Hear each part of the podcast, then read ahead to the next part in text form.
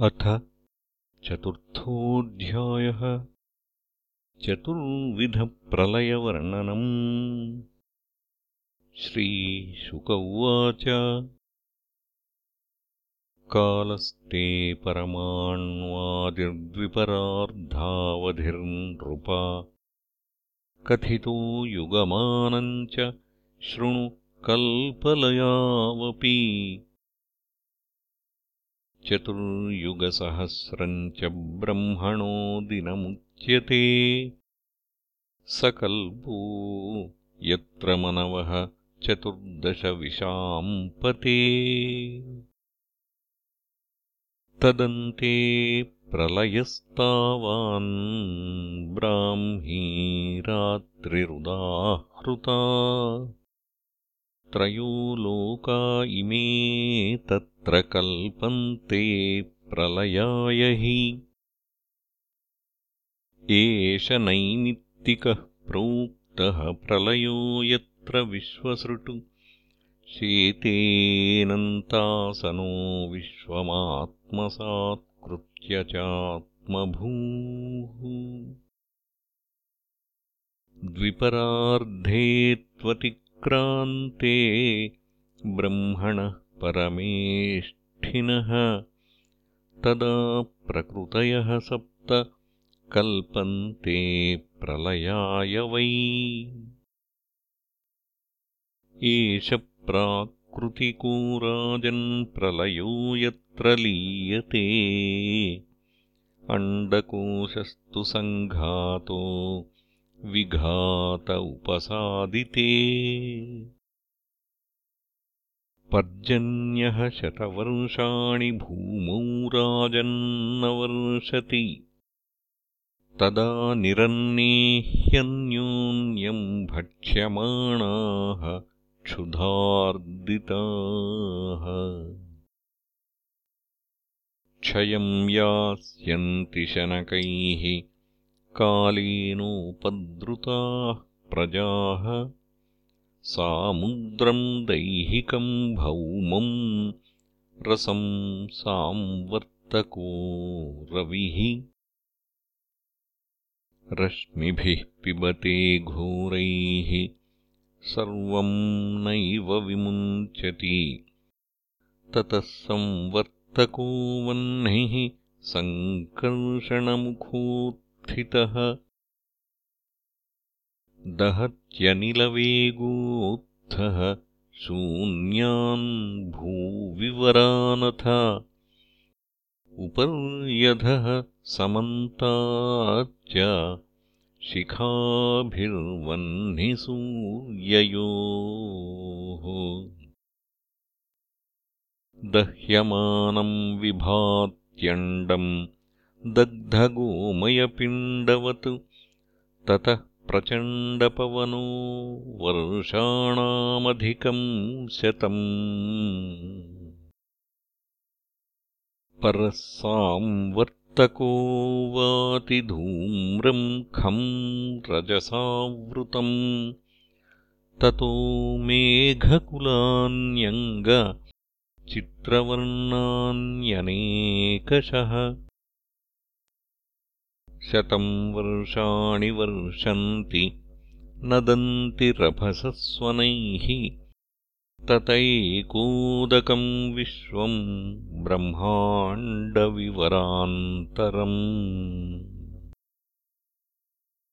तदा भूमेर्गन्धगुणम् ग्रसन्त्यापौदप्लवे ग्रस्तगन्धातु पृथिवी प्रलयत्वाय कल्पते।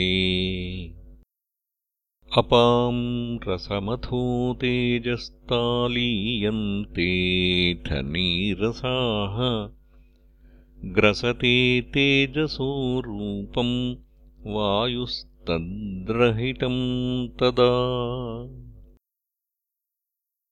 लीयते चानिले तेजो वायोः खम् ग्रसते गुणम् स वै विशति खम् राजंस्ततश्च नभसो गुणम्। शब्दम् ग्रसति भूतादिर्नभस्तमनुलीयते तैजसश्चेन्द्रियाण्यङ्ग देवान्वैकारिको गुणैः। महान् ग्रसत्यहङ्कारम् गुणाः सत्त्वादयश्च तम्। ग्रसते व्याकृतम् राजन् गुणान् कालेन चोदितम् न तस्य कालावयवैः परिणामादयो गुणाः। अनाद्यनन्तमव्यक्तम् नित्यम् कारणमव्ययम्।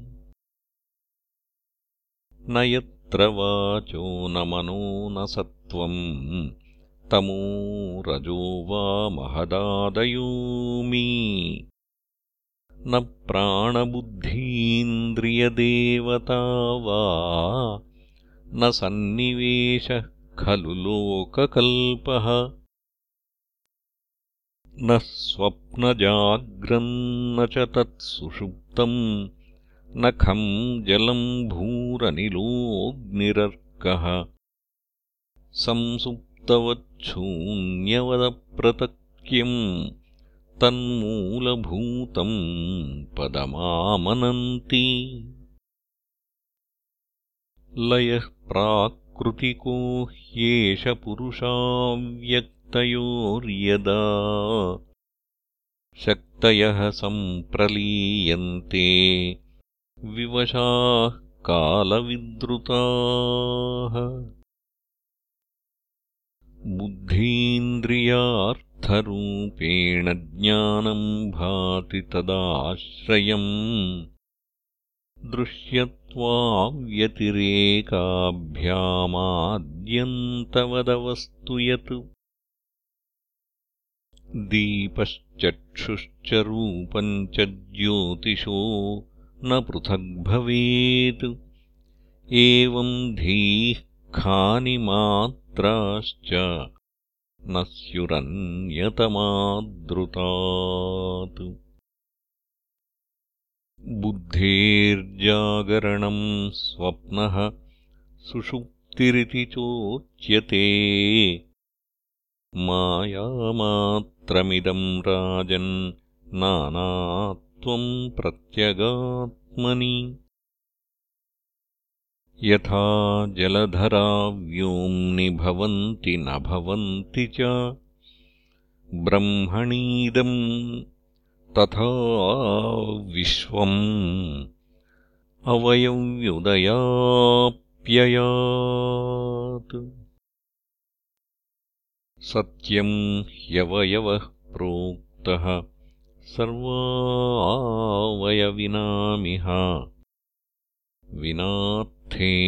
प्रतीयेरन् पटस्येवाङ्गतन्तवः। यत्सामान्यविशेषाभ्यामुपलभ्येत स भ्रमः अन्योन्यापाश्रयात् सर्वमाद्यन्तवदवस्तु यत्। विकारः ख्यायमानोऽपि प्रत्यगात्मानमन्तरा न विरूप्योऽस्त्वणुरपि स्याच्चेच्चित्सम आत्मवत्।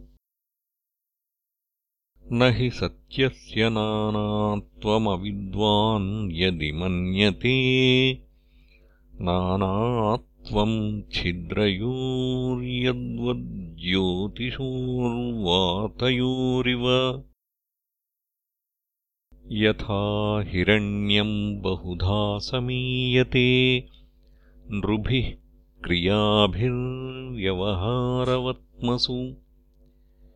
एवम् वचोभिर्भगवानधोक्षजो व्याख्यायते लौकिकवैदिकैर्जनैः।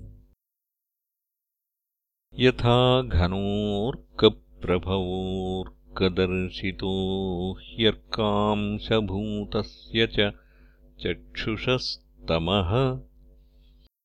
एवम् त्वहम् ब्रह्मगुणस्तदीक्षितो ब्रह्मांशकस्यात्मनात्मबन्धनः। धनो यदार्कप्रभवो विदीर्यते चक्षुस्वरूपम् रविमीक्षते तदा। यदा ह्यहङ्कार उपाधिरात्मनो जिज्ञासया नश्यति तर्ह्यनुस्मरेत्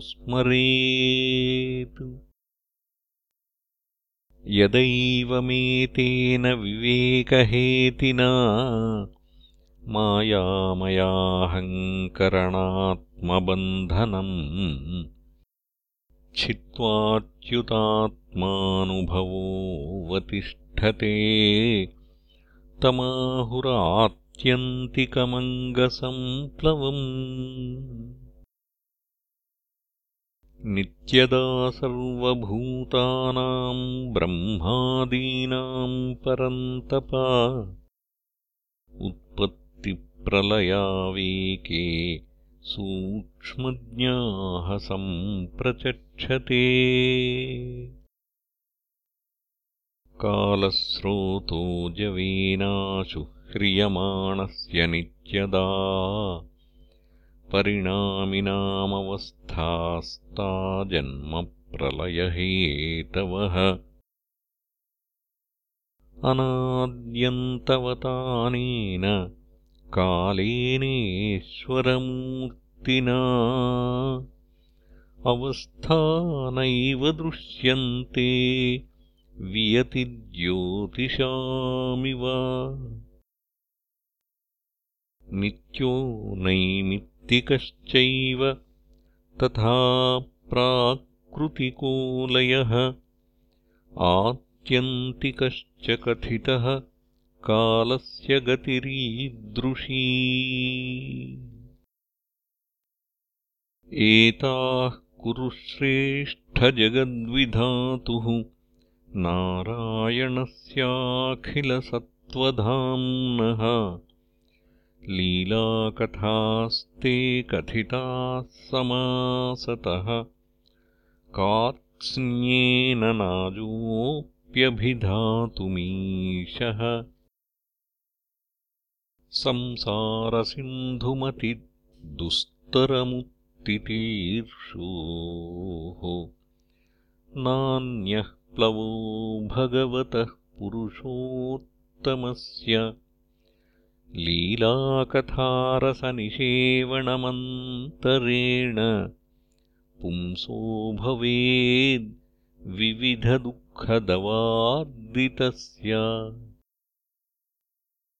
पुराणसंहितामेताम् ऋषिर्नारायणो व्ययः नारदाय पुरा प्राह कृष्णद्वैपायनाय सः स वै मह्यम् महाराज भगवान् बादरायणः। इमाम् भागवतीम् प्रीतः संहिताम् वेदसंमिताम् एताम् वक्ष्यत्यसौ सूत ऋषिभ्यो नैमिषालये दीर्घसत्रे कुरुश्रेष्ठ सम्पृष्टः शौनकादिभिः। इति श्रीमद्भागवते महापुराणे पारमहंस्याम् संहितायाम् द्वादशस्कन्धे चतुर्थोऽध्यायः